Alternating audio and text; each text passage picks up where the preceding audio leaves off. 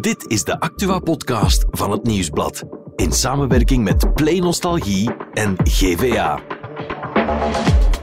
Het is woensdag 13 september en Kim Jong-un heeft Poetin met een stralende glimlach de hand geschud.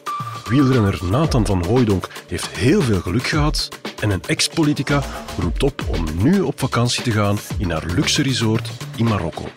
Maar in deze Insider hebben we het over de duistere jeugd van de rijkste man ter wereld, Elon Musk. Mijn naam is Bavo Vermeulen en dit is de Insider. De Insider van vandaag is nieuwsbladreporter Kim Clemens. Welkom in de studio, Kim. Dag Bavo. Hey.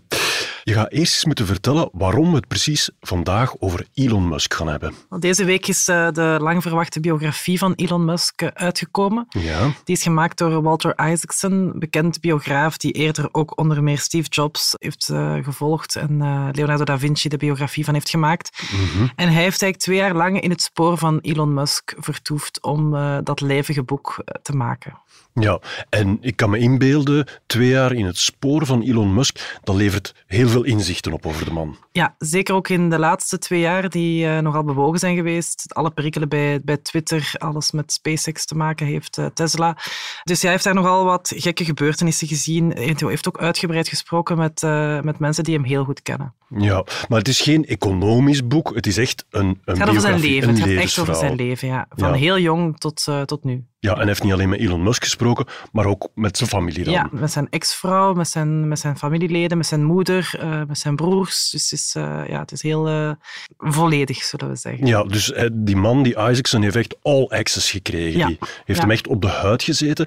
En opvallend, je zei, hij heeft gesproken met de vader van Elon Musk. Ja. En daarvan weet ik dat die twee geen contact hebben. Nee, nee, dat is een heel gespannen relatie. Uh, dat, dat, dat was al geweten, maar nu pas weten we hoe dat eigenlijk komt. Hoe dat eigenlijk uh, ja, vanuit een heel getroubleerde jeugd is gekomen. Ja, en vertel eens wat meer daarover. Wel, uh, die vader, dat was eigenlijk ook al een, een heel rijke man, een Zuid-Afrikaanse magnaat. Mm -hmm. Maar die, ja, dat die is gekend als heel opvliegend. En zeker Elon Musk moest het heel hard ontgelden van zijn vader. Er Ja. is een anekdote die wordt verteld hoe hij heel hard gepest werd op school en, en, en het ziekenhuis werd ingeslagen door zijn, zijn pesters. Hij was een hele frele, mal bleek jongetje Ja. als kind. En dus toen hij uit het ziekenhuis werd ontslagen, uh, heeft zijn vader eigenlijk de, de kant gekozen van zijn pesters en heeft er nog een schep bovenop gedaan, hem uitgemaakt, uh, vernederd. Uh, dus eigenlijk sinds zijn ouders zijn gescheiden in 1979, dacht ik, en sindsdien heeft hij eigenlijk amper nog contact met zijn vader. Mm -hmm. Je zegt een, een, een heel vrij, mager manneke um, in elkaar geslagen door zijn pesters. Is dat dan ook de reden waarom hij vandaag, ja, hij, hij ziet er een beetje opgepompt uit? Ja, en, dat wordt alleszins wel door de biograaf, dat dat echt wel zijn, zijn tekenen heeft nagelaten uh, nu.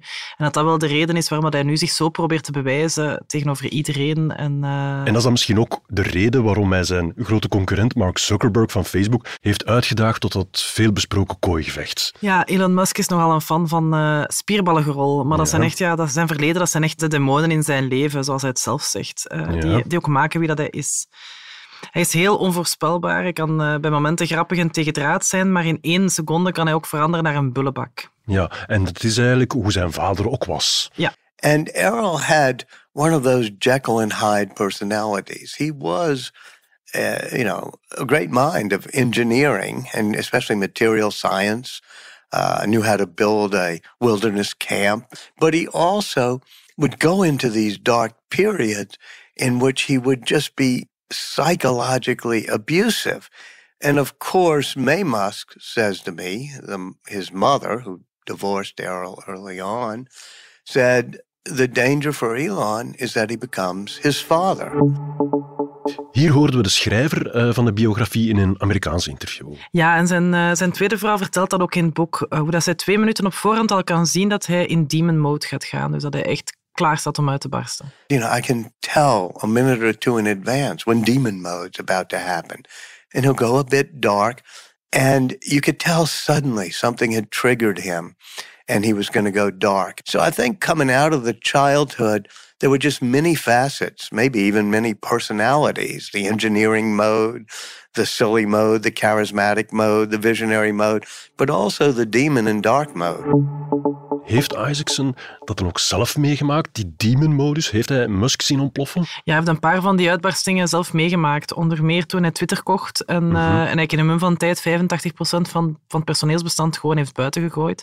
Hij heeft daar ook eh, in, in, in de woede de servers uitgetrokken en dan, en dan niet veel later kon hij dan ook weer gewoon heel kalm zijn. Dus eh, Ja, dus echt die Jekyll en Hyde Ja. van zijn vader. ja, helemaal. Kim, je zei daarnet dat zijn familie Elon Musk gevormd heeft. Ik weet dat de man elf kinderen heeft en drie keer getrouwd is. Ik vermoed dat daar dus nog meer borrelt. Ja, het is een heel eh, interessant, zullen we maar zeggen, eh familiaal leven dat, dat Musk heeft opgebouwd. Ja. Maar daar zitten ook wel wat spanningen tussen. Ehm, bijvoorbeeld zijn, eh, een van zijn oudste twee kinderen, dus eh, de Mhm. oudste zijn tweeling, Xavier, ehm, ook weer zo'n naam met een, eh, met een X. Veel van zijn kinderen hebben een naam met een X. En SpaceX en X. Ook al, ook al Mhm. inderdaad. Die, die heeft eigenlijk op zijn zestiende beslist om in transitie te gaan en Jenna te worden. Mhm. Jenna. Wat dat op zich, volgens, volgens Intimi in het boek, geen probleem was voor Elon Musk. Ja. Tot op het punt dat die dochter dan, eh, Jenna Wilson, dat die heeft beslist om, om de naam van de moeder aan te nemen. Dus dat die niet meer Jenna Musk wou zijn, maar Jenna Wilson. Drie dagen na haar 18e verjaardag heeft ze dat eh, officieel gemaakt. Heeft in de rechtbank ook gezegd dat ze met haar vader niks meer wil te maken hebben. Eh, en dat ze eigenlijk ja, alles waar hij voor stond verwerpelijk vond. Hè. Dus tegen rijkdom, tegen macht, tegen al, al die zaken. ja, dat is op, opnieuw een getroubleerde vader-kindrelatie. Ja, inderdaad. Zijn moeder heeft ooit gezegd van, hè, dat het grootste probleem van, van Elon kon zijn dat hij zoals zijn vader zou worden. Mhm. En daar zie je dat daar toch wel sporen van in terug te vinden zijn in de band met zijn eigen kinderen. Ja, de geschiedenis herhaalt zichzelf echt. Ja, ja. Zelf zegt hij dat dat vooral ligt aan het feit dat zijn, eh, zijn dochter een marxist is geworden, een communist zelf, eh, dat, zij, dat zij zich eh, zo afkeert van hem. Mhm. En hij, hij steekt dat eigenlijk op de progressieve school waar dat ze gaat. Dus ze zit op een hele dure eliteschool in Santa Monica, heeft Mhm. ze high school gedaan. Tot haar veertien heeft ze gewoon eigenlijk in een school van Musk zelf onderwijs genoten, maar daarna ging ze naar die, naar die chique school. En daar, zegt hij, daar is ze eigenlijk vergiftigd geweest met het woke-virus. Volgens de biograaf heeft dat ook, eh, is dat eigenlijk ook een van de redenen waarom dat Musk zelf zo eh, van politiek kamp is veranderd. Hoezo?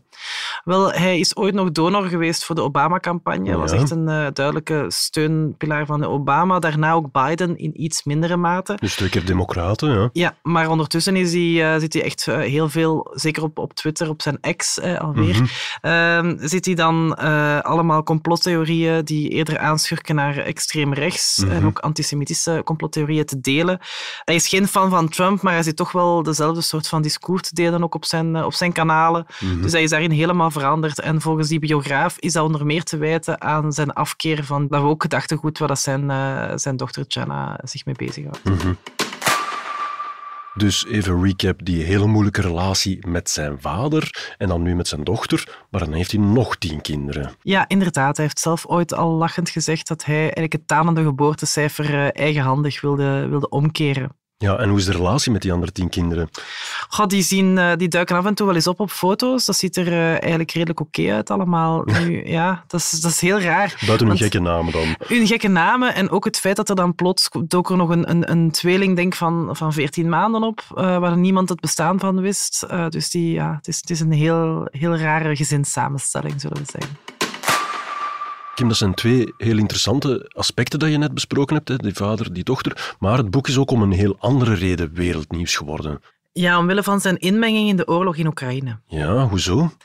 Wel, Musk is ondertussen een, een heel, heel machtig man. Ja. Met eh, SpaceX, met Tesla, met Twitter heeft hij eigenlijk heel grote eh, belangen in handen eh, Mhm. wereldwijd. Ja, En specifiek met SpaceX en zijn, en zijn Starlink-satellieten ja. speelt hij een heel grote rol in de wereldpolitiek. ja vertel eens.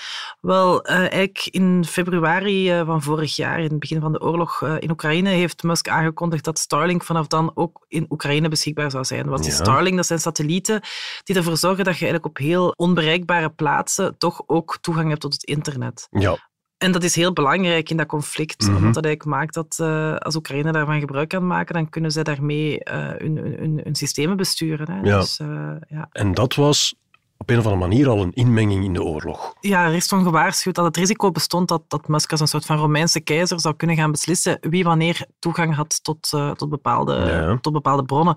En dat is ook gebeurd. Op een gegeven moment, zo lezen we in het boek, wilde Oekraïne een verrassingsaanval uitvoeren op de Krim. Ja. Eh, de Krim had geen dekking door die satellieten. Mhm. En ze hadden Musk gevraagd om die, die toegang toch te verlenen. En Musk heeft dat geweigerd. Ah ja. Ja. Hij zegt zelf, omdat hij bang was dat er eh, anders een, derde wereldoorlog zou beginnen. Mhm. Maar je ziet toch wel dat hij heel dicht aanschurkt tegen die, die Russische diplomaten. Ja. Dat hij belt met het Kremlin, dat hij Poetin persoonlijk aan de lijn al heeft gehad. Dus Mhm.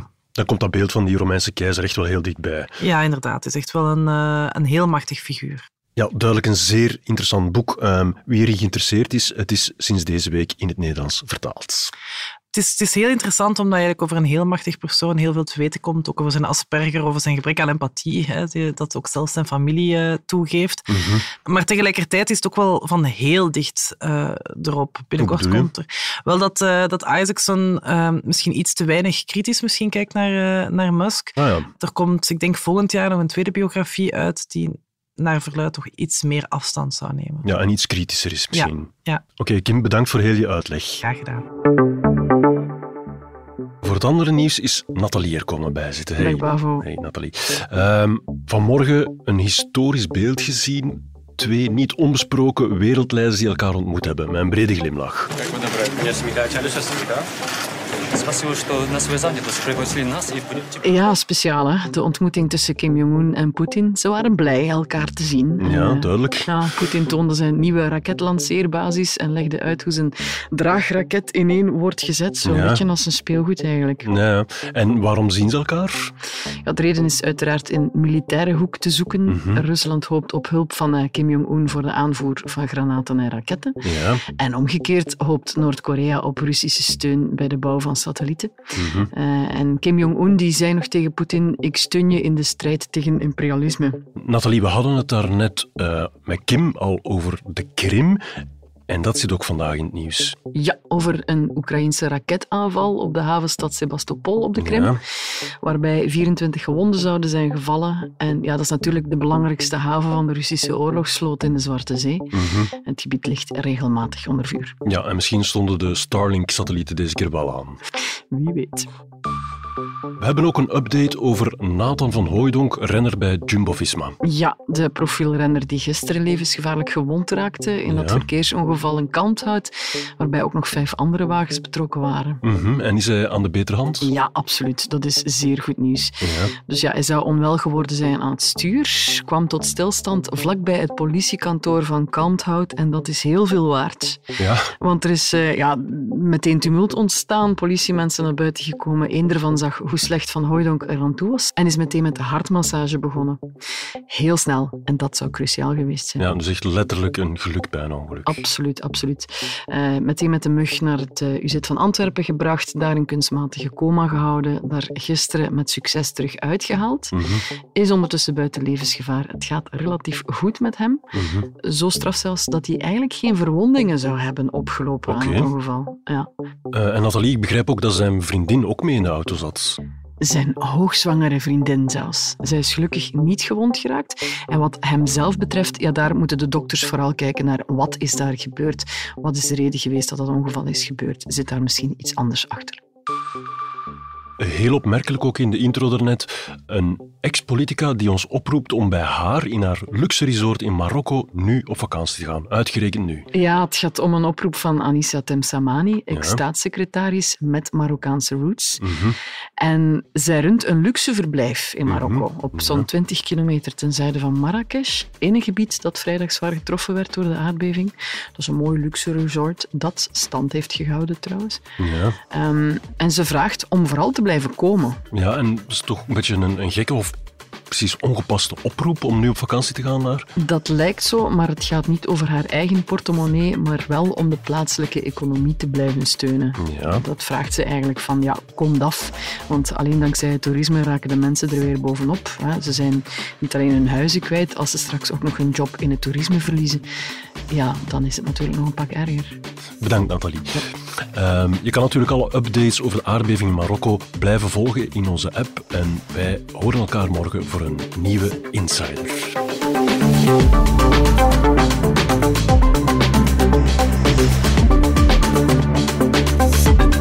Dit was The Insider, een podcast van het Nieuwsblad in samenwerking met Play Nostalgie en GVA. De muziek is van Pieter Santens. De montage gebeurde door House of Media. Wil je reageren? Mail naar podcast.nieuwsblad.be.